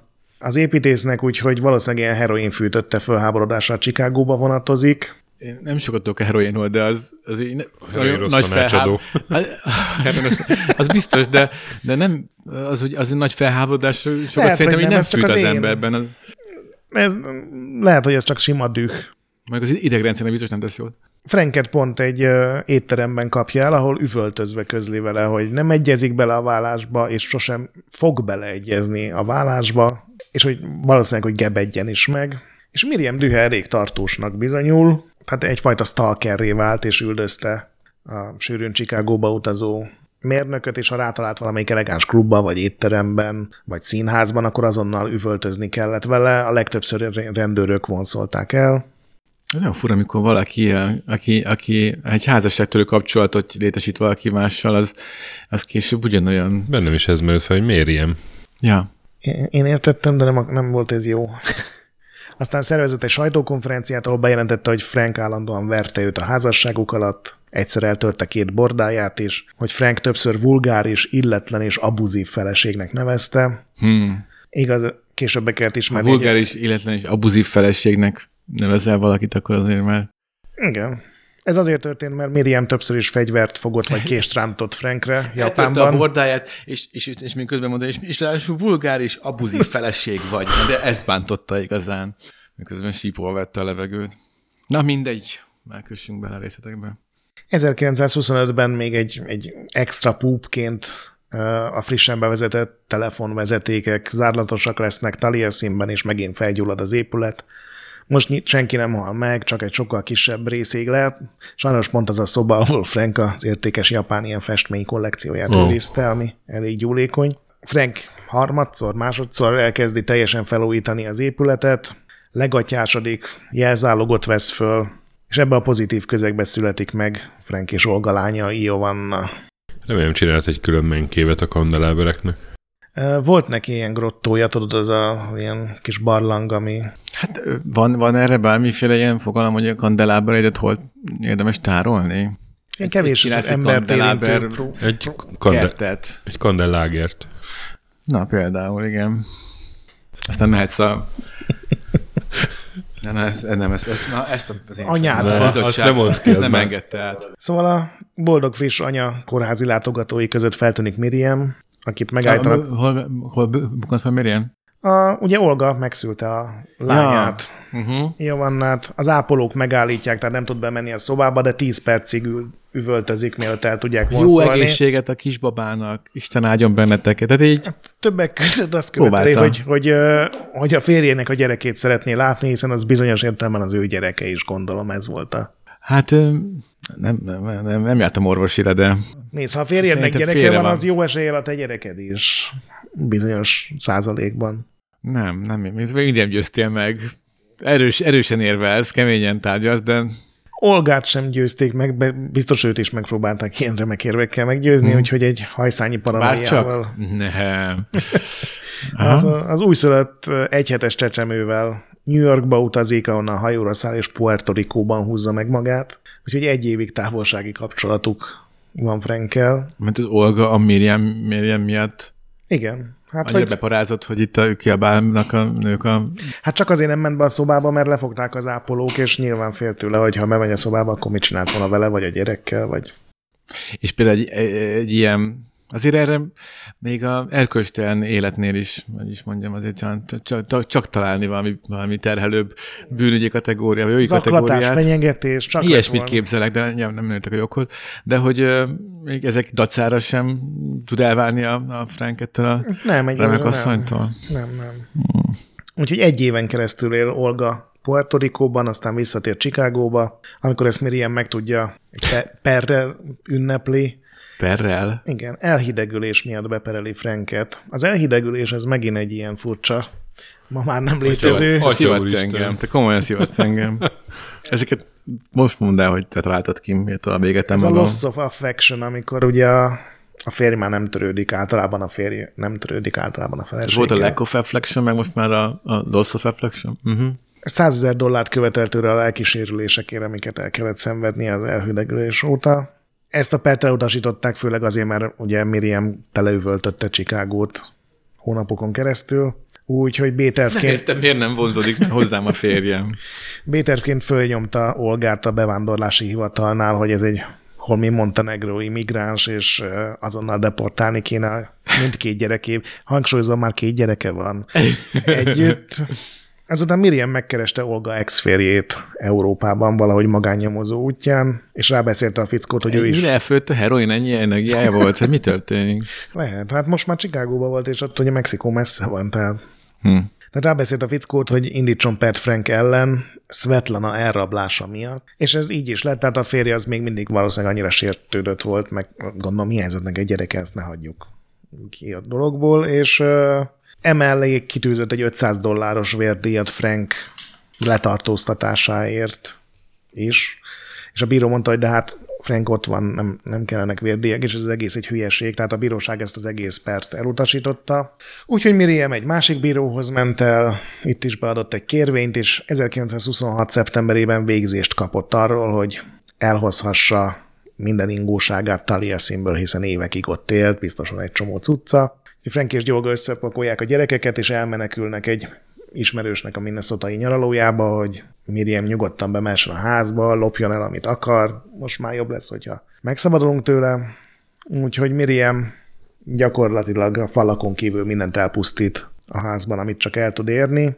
Alkalmazottaknak egy óra kell hozzá, hogy le tudják fogni és kidobni az épületből, amire Taliesinnek a belső része meg az ablakok teljesen romokban vannak, tehát minden szét van tépve, össze van törve, össze van gyűrve. Viszont Miriam, miközben őt ugye lefogták, meg kidobálták, meg megpróbálták lenyugtatni, így megtudja az alkalmazottak egyik elejti, hogy Frank és Olga minnesota vannak, úgyhogy rögtön feljelenti az ottani hatóságoknál Franket a mentörvény megsértése miatt, mi szerint Wisconsinből nyilván Minnesota-ba csempészte át az államhatárokon egy európai potenciálisan illegális nőszemélyt. Gondolom emlékezett rá, hogy ez neki sem esett annó jól, és uh, ugye minnesota még nem volt semmilyen közös kalandjuk. Nem szimpatikus az a nő nekem. Igen, van benne egy ilyen... Uh, nem tudom megfogalmazni. Én nem tudom megfogalmazni, de valahogy, valahogy nem, nem, nem. Mintha nem lenne. Kedves. minnesota még nem hallottak róluk, úgyhogy ott azonnal elhitték neki, hiszen egy elegáns, gazdag nőről van szó. Úgyhogy a rendőrök azonnal lerohanták a nyaralót, ahol Frankék meghúzták magukat, aput és anyut sitre vágták, Svetlanát és Iovanát pedig leadták egy nevelőszülő párnak mostantól kezdve, mondva nekik, hogy valószínűleg ők lesznek az új szüleik ezen túl. Jó lesz, hogyha hozzászoknak a dologhoz. Két napba telt, még ejtik a vádakat. Frank, Olga meg a két gyerek visszatérnek Taliesinbe, pont akkor, amikor megjelenik a banki küldönc, hogy hát elfelejtették befizetni a jelzálog törlesztőt, úgyhogy a Bank of wisconsin ez az egész lesznek szívesek akkor elvinni az ingóságaikat, mert ez már a banknak a cucca. De minden szétvert az a Millió. Igen, hát az épület. Most már nincsen sok ingóságok, igen, úgyhogy Frank ilyen radikális döntést hoz, minden állatát eladja ugye a környező farmról, aukciós házon keresztül értékesíti azt, ami nem ott tartott, tehát nem égett le, meg Miriam nem törte össze. Ő nem ment, nem próbált felvenni a, hát nem is az, hogy a harcot, de nem próbált valahogy... Bérgyilkost bérelni? Nem, de hogy is, hát de mondom, csak valamilyen jogi sem értem. eszköz csak lett volna az ő kezében Persze, is, de... mert hát ezek már bőven ilyen agyrém, amiket de sorolsz. Nem, nem tudom, hogy mitől.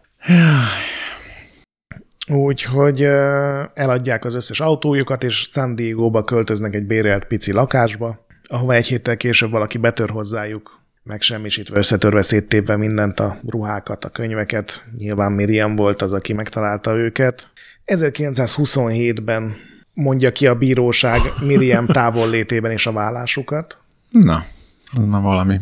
Hétre pontosan egy évvel később Frank és Olga összeházasodnak. Itt nem volt ilyen kikötés, de vártak ők is egy évet, és ezt Miriam alig pár héttel élte, vagy pár hónappal érte túl, úgyhogy örülhetsz, Mazur, megszabadultunk tőle. Ja, nem akarok én senkinek se visszamenőleg se rosszat, csak olyan fura volt, hogy milyen passzívan. Igen, tűrte.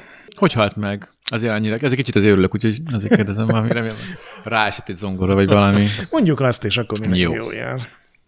Úgyhogy itt akár vége is lehetne a sztorinak. lenni. Frank és Olga ugye együtt élnek, Frank saját névre veszi Svetlanát, és ugye ott van a közös gyerekük. Anto Flower is. néven futott tovább. Nem? Mint hogyha virágot jelenten oroszul.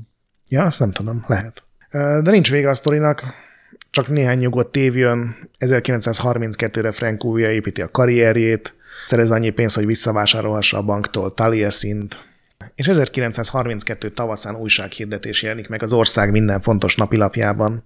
Nagyjából azzal a tartalom, hogy Frank Lloyd Wright felkínálja a lehetőséget Amerika legjobb építész képzésére a kiemelkedően tehetséges fiataloknak. A képzés egyenesen a híres mérnök otthonában lesz. A helyek száma korlátozott, a megszerezhető tapasztalat viszont páratlan. Ez, ez, ez, ez már valamire való kommunikáció. Aki, aki ezt írta, tőle kellett a tanácsot kérni az interjúja előtt. Igen, ez átment egy piároson. Úgyhogy 23 jó módú családból származó magát minden bizonyal kiemelkedően tehetségesnek gondoló építészjelölt jelentkezett, és 1932-ben elindult a máig létező Taliesin szövetség, Taliesin Fellowship. Az ösztöndíj inkább ott a Taliesin fellowship, nem? Hát de nem ösztöndíjat kapnak, mert ők fizetnek. Nem tudom, hogy ezt akkor is úgy hívhatják el, de Hát, attól még de a fellowshipnek az a magyar megfelelője. Ilyen, Ez egy Fellowship of ilyen, the Ring. Ilyen, értelem, ilyen értelemben, hogy jó, igen. Tehát a- lehet akkor Taliesin alapítvány, vagy, vagy ösztöndíj. Baráti kör. jó, hát lehet szövetség. A Taliesin szöveg. Az is ilyen elfes hangzású. Igen, abszolút. A, a Velszi nyelven van egy ilyen kis elf, Sindarin. A képzés nem hét- hétköznapi volt, mondta, hogy ígérte a hirdetés, a tanulóknak Frank napi ritmusát kellett követnie, beleértve azt is, hogy nekik kellett etetniük a sűrűn megérhező Franket. Menekülni a feleségek bosszúja elől? Nem, nem, etetniük kellett a, a mérnököt. De hogy kanállal, vagy uh-huh. csak főzni neki? Nem, etetniük kellett, miközben a neves mester Bach és Beethoven darabokat dúdolt nekik, felteszem csámcsogva, de És csak úgy röpködött a pacal.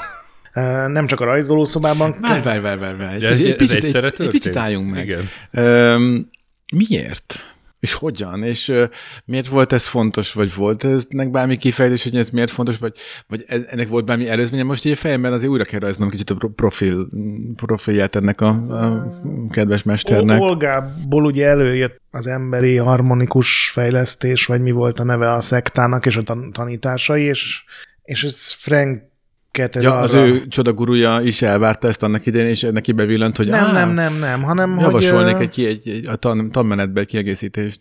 Frank sosem volt szerény férfiú, és Olga meg elhitette vele, hogy tényleg ő a, a, a legzseniálisabb építészmérnök a világon, és, és úgy gondolta, hogy ez egyszerűen jár neki, és, és hogy igazából egy tanuló az igenis csináljon meg mindent, amit mondanak neki.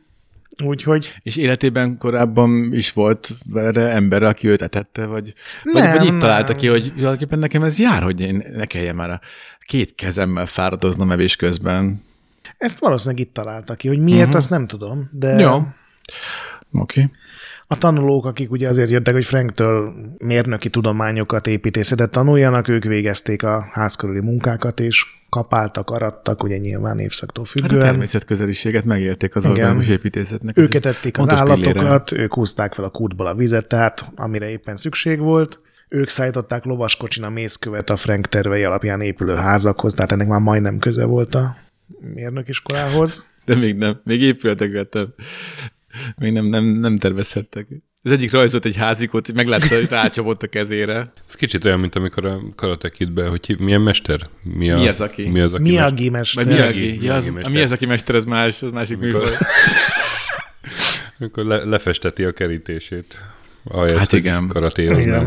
De aztán kiderült, hát lehet, hogy akkor ők is így Még nincs vége, még van pár Na, az- oldal a sztoriból. Ki fog itt még minden derülni. Pikpak felépítették a etető mozdulatokkal a katedrálist. És ezért 675 dollárt kellett fizetniük évente ezért a nagyszerű kiváltságért. Uh-huh.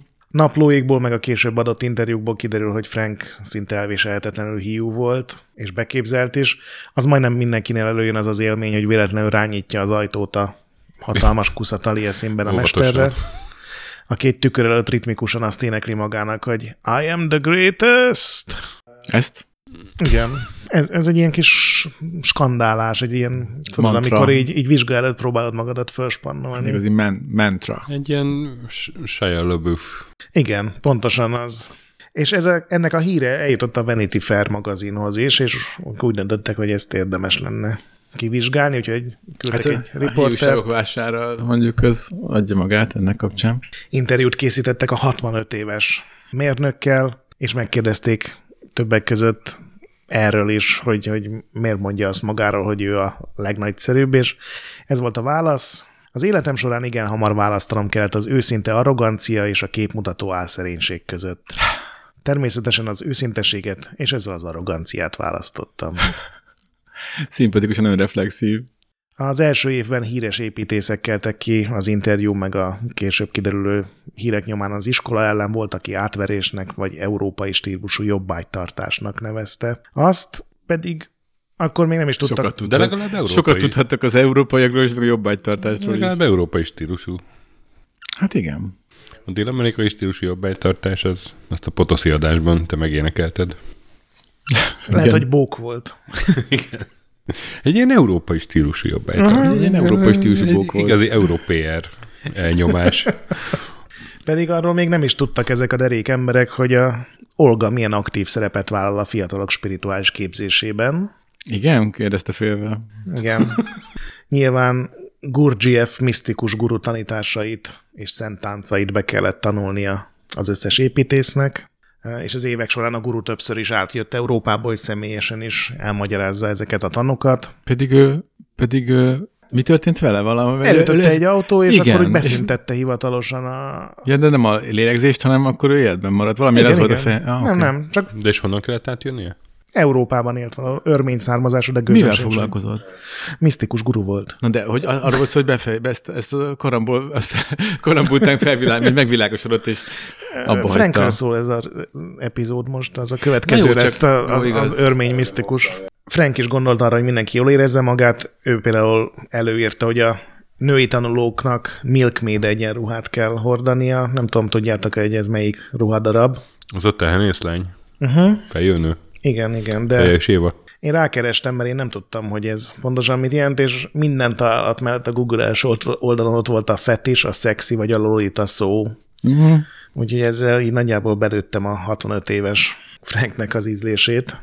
Akkor a szimp volt. Úgyhogy a női mérnök tanulók feladata volt, hogy egyben az egyenruhában tejet és kenyeret vigyenek reggel és este az összes alkalmazottnak Taliesin gyönyörű földjén. Frissen fejt tejet. Uh-huh. A lányoknak kellett etetnie Franket, mégpedig nagyon ügyesen és mindig vidáman, mert ha valami nem tetszett neki, akkor az ablakon kikurta a tányérételt, ami előtte volt. Nem, ő ilyen kását evett sokat. Tudod, azt a porridge nevű Ja, az a zapkása. Uh-huh. Minden reggel, minden vasárnap reggel katolikus mise volt, ami kötelező volt, akkor is, hogyha teszem azt a, a kis mérnöktanonc az evangélikus zsidó, vagy ateista volt. Ebből vizsgázni is kellett. Minden évfolyamnak musicalt kellett írnia az építészetről, és ehhez egy színdarab vagy színpadot is kellett tervezniük, építeniük, és aztán lebontaniuk. Tehát ennek végül is van köze ahhoz, amit Hát a tanulnak. rendezvényszervezéshez már igen, tehát ilyen fesztivál építészek voltak. Olga egyik fő leckéje, nyilván a bölcsörmény tanítója nyomán az volt, hogy a szex az ember eszenciájának fizikai kifejeződése, illetve az út, amely elvezet a szellemi megvilágosodáshoz. És ugye ő felelt a tanoncok spirituális fejlesztésért, Olgának jutott ki az a szerep, hogy a gyakornokok szexuális életét is megszervezze. Ő nem vett részt semmiben, de külön tanórákat tartott az orgazmus fontosságáról és kreativitás növelő hatásáról, majd bátorította az órán résztvevő tanulókat, hogy csak bátran növeljétek egymás kreativitását. Ezeken az órák... Csoportmunkára Igen. jelöltek ki. Aha. És volt számon kérés? ZH. Az, azt nem tudom, de ezeken az órákon a lánytanulók nem vettek részt. Hm. Ja, értem. Tehát, hogy az orgazmus, az nyilván az a férfiak Igen. A kapcsolatos fogalom. Orgazmus. Ol- Ma, ma sok yaoit olvasna, akkor ö, egy idő után már nem elégedett meg a passzív szereppel, hanem arra hivatkozva, hogy nagyon kevés női mérnök tanonc van, elkezdte kijelölni a párokat a fiúk közül, akiknek ugye egymás kreativitását azzal, kellett azzal főzött, ami van, ez, ez nincs is baj. De hogy, de hogy az a kevés női hallgató, ő ezeket a, ők ezeket a, ő, ők nem kapták meg ezeket a, az eladásokat Olgától? Nem, nem, mert, mert ez csak a fiúkban növeli a kreativitást az orgazmus, ha nem tudtad volna. Voltak nyilván nagyon harcosan hetero fiúk, akiknek ez annyira nem jött be. Számukra az egyenruhás lányok voltak kiosztva, akiknek elmagyarázta Olga, hogy a, az ő fő funkciójuk itt a Talia színfalai között, hogy a fiútársakat kielégült állapotban tartsák, és ebben a fő mm, szervező Ez a lánya Olga, ez nem volt. az Olga dolga. Il- Ilvana, tehát a saját lányát is beszervezte ebbe a buliba. Eh, Hogy lelkesítse őket, Olga rendszeresen beszámolt saját szexuális életéről és a tanulóknak. Innen tudjuk, hogy a 65 éves Frank az napi minimum két-három alkalommal szeretett hemperegni. Kreatív lenni. Uh-huh. De a Frank az mit szólt ehhez, hogy így ilyen szextanya lett a iskolájából? Valószínűleg tetszett Végre neki. rászolgált a nevére. Mármint nem, Még nincs meg. nem, nem, ez a, nem ez az a hely, amit Talán szex, szexfészeknek tituláltak a Ja, bulvárlapok? hogy a bulvárlapok. De Annak végül is idején- igen, 20 év kés, 30 Azért év mondom, késéssel bejött a szexbung, vagy Tudod szerelem mit? Nem is hülyeség. Így elképzelem, hogy egy nyugdíjas reggel így Na mindegy, igen. Uh, nyilván volt egy csomó olyan tanonc, aki ugye miután megérkezett, és ha lány volt, akkor megkapta az egyenruháját, ha fiú, akkor megkapta a fiúját, aki ugye mondta, hogy hát ez neki nem. Mások meg úgy voltak vele, hogy oké, okay, egy év pokolt. Nem, hát ezt, ezt viszonylag kevesen élvezték így szerintem az első évben, hanem úgy voltak vele, hogy hát oké, okay, egy évig itt szenvedés van, és, és nem túl sok, de már az, hogy ráírhatja az életrajzára, hogy őt a Frank Lloyd Wright tanította személyesen, az tökéletes ajánló levél lesz. hogy nem kérdeznek bele, hogy és mi volt ott. Ja, és ez az a korszak volt, tehát ez a mikor 32 utáni korszak, amikor Franknek a karrierje ismét emelkedni kezdett, az Usonia nevű koncepciót alkotta meg, nem tudom, arról hallottatok-e. Ezek egy ilyen új típusú családi ház volt, ahol a Frank arra figyelt főleg, hogy a nőknek nagyobb munkaterület jusson. Milyen figyelmes. Ez az amerikai stílusú konyhák megjelenése volt, hogy a nőnek ugye nyilván a konyhában van a helye, de onnan ja, szemmel, tudja, nagyobb, hogy, igen, szemmel tudja tartani a háziasszony a nappaliban játszó gyerkőcöket. Próbálok hangtalanul rákeresni közben. Ez amire azt mondjuk, hogy amerikai konyhás Igen. Vagy hogy Amerikában mondják, konyhását. És ez a United States-ből jött az Usónia, mint az US-ből a koncepció. Tök érdekes, mennyivel akkor előtt járt tényleg a, a Wright csomó szempontból, ez kurván izé 60-as évek, és mikor csinálta 30-as években. Uh-huh. Igen. Hát a, nekem a Falling Water egyébként a kedvencem tőle, az is olyan, hogy bőven ilyen, ilyen, ilyen 70-es évek. Igen. Igazából ma is kurva néz ki. Ah, megvan. Nem, nem volt ez így meg, de, de ez így, ez, ez a, ez uh, egy irányzat, vagy ez egy... Igen, ez egy általa épített koncepció volt, és ebből... Az új több... amerikai otthon, a modern... Igen, ah. igen. Ebből csinált egy teljes falut is, amiben csak ilyen házak voltak. Aztán ez nem lett olyan sikeres, hogy tényleg így elterjedt volna, de ugye amerikai konyha néven aztán évtizedekkel később egy ilyen mm. uralkodó mm. irányzat lett. Szerintem már nálunk is egy tök alap dolog sok helyen. Mármint nálatok Pilis Csabán? Igen, erre gondoltam. A Pilis Csaba építészet irányzat. már csak amerikai konyhákat épít. Hát Pilis Csaba úgyis az organikus építészet fellevgára. Még egy Igen. darabig, nemig le nem bontják a kampuszt. Tényleg? Ja, ja, ja. Úgyhogy ez a sokadik siker megint Frank fejébe szállt. Még inkább.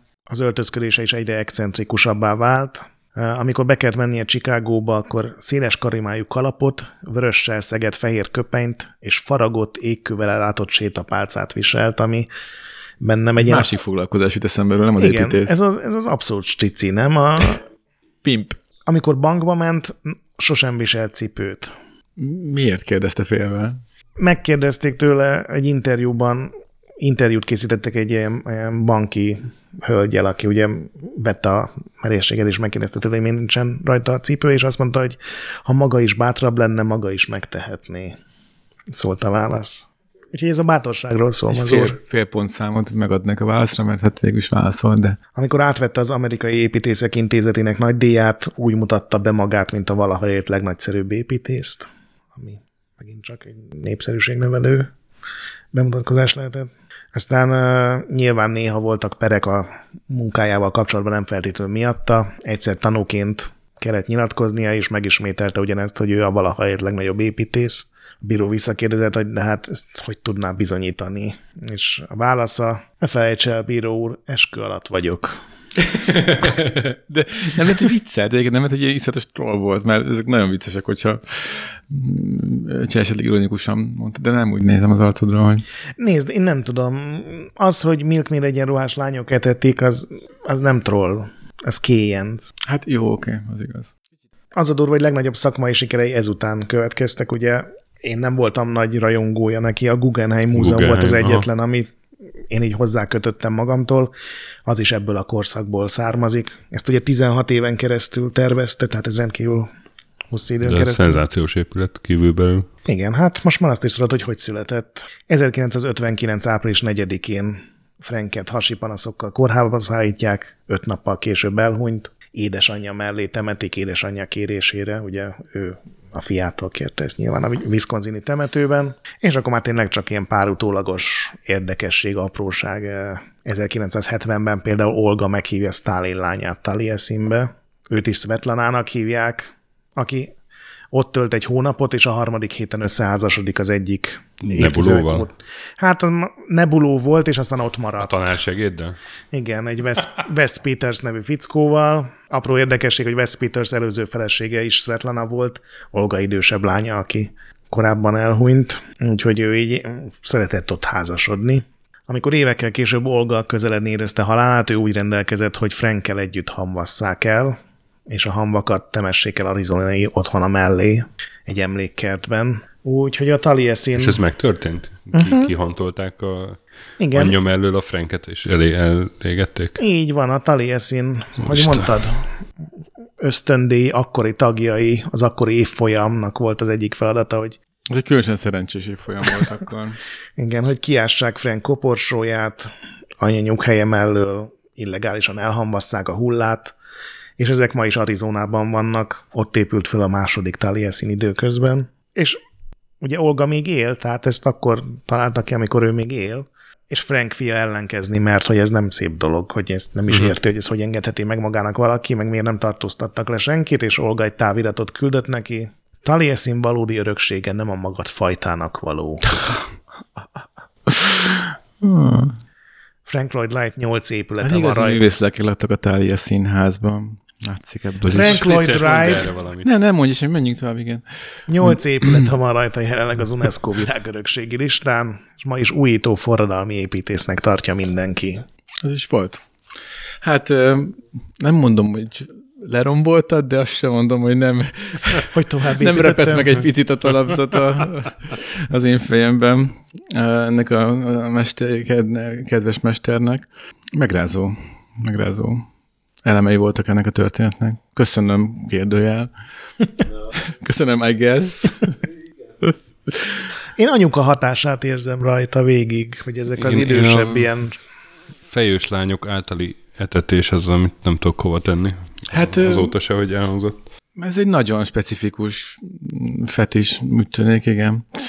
Na jó, de hogy az iskolának ugye bevonták a tanulóit ebbe a fétisbe. Ma is létezik ez a Taliesin ösztöndíj, De kicsit, hogyha azt kicsit, valószínűleg- megfejlesztettek a tan- tanmenetem? Szerintem igen, mert ugye hát Frank és most már Olga is ugye elhunytak, még akkor is, hogyha elhamvasztva ott vannak a... Pedig milyen komoly tehenész lány slash fesztiválépítő generáció kerülhettek ki onnan. Igen. Ma szerintem már másként működik, nem hiszem, hogy ez a büszke múlt részét képezi, mondjuk a hullarablás, meg a, a többi. Sírrablás és, és a... És és a igen. Hullaégetés. Na hát úgyhogy nem sokára Mazur jön a következő története, reméljük kevesebb sírrablással, de majd majd, meglátjuk. úgy, majd igyekszem úgy alakítani, hogy kicsit kevesebb legyen. Most 20%-a kevesebb sírrablás, ez az majd a, a szlogán. Úgyhogy köszönjük a figyelmet. Egyébként egy, egy, egy építész nem olyan régen írt és ajánlott egy témát, úgyhogy most lehet, hogy felbátorodtam, és akkor majd én is bevállalok egy, egy építészeti Messziről témát. nem tűnik talán annyira mozgalmas szakmának, de ha közelről megnézed, hogy mi van az épületek mögött, érdekes sztorikra lesz. Úgyhogy van weboldalunk, képtenkronika.hu. Így van. Mást el kell mondani? Most aki www. Pont. Nem. http 2 per per www.captainenkronika.hu Sziasztok! Sziasztok. Sziasztok! Sziasztok!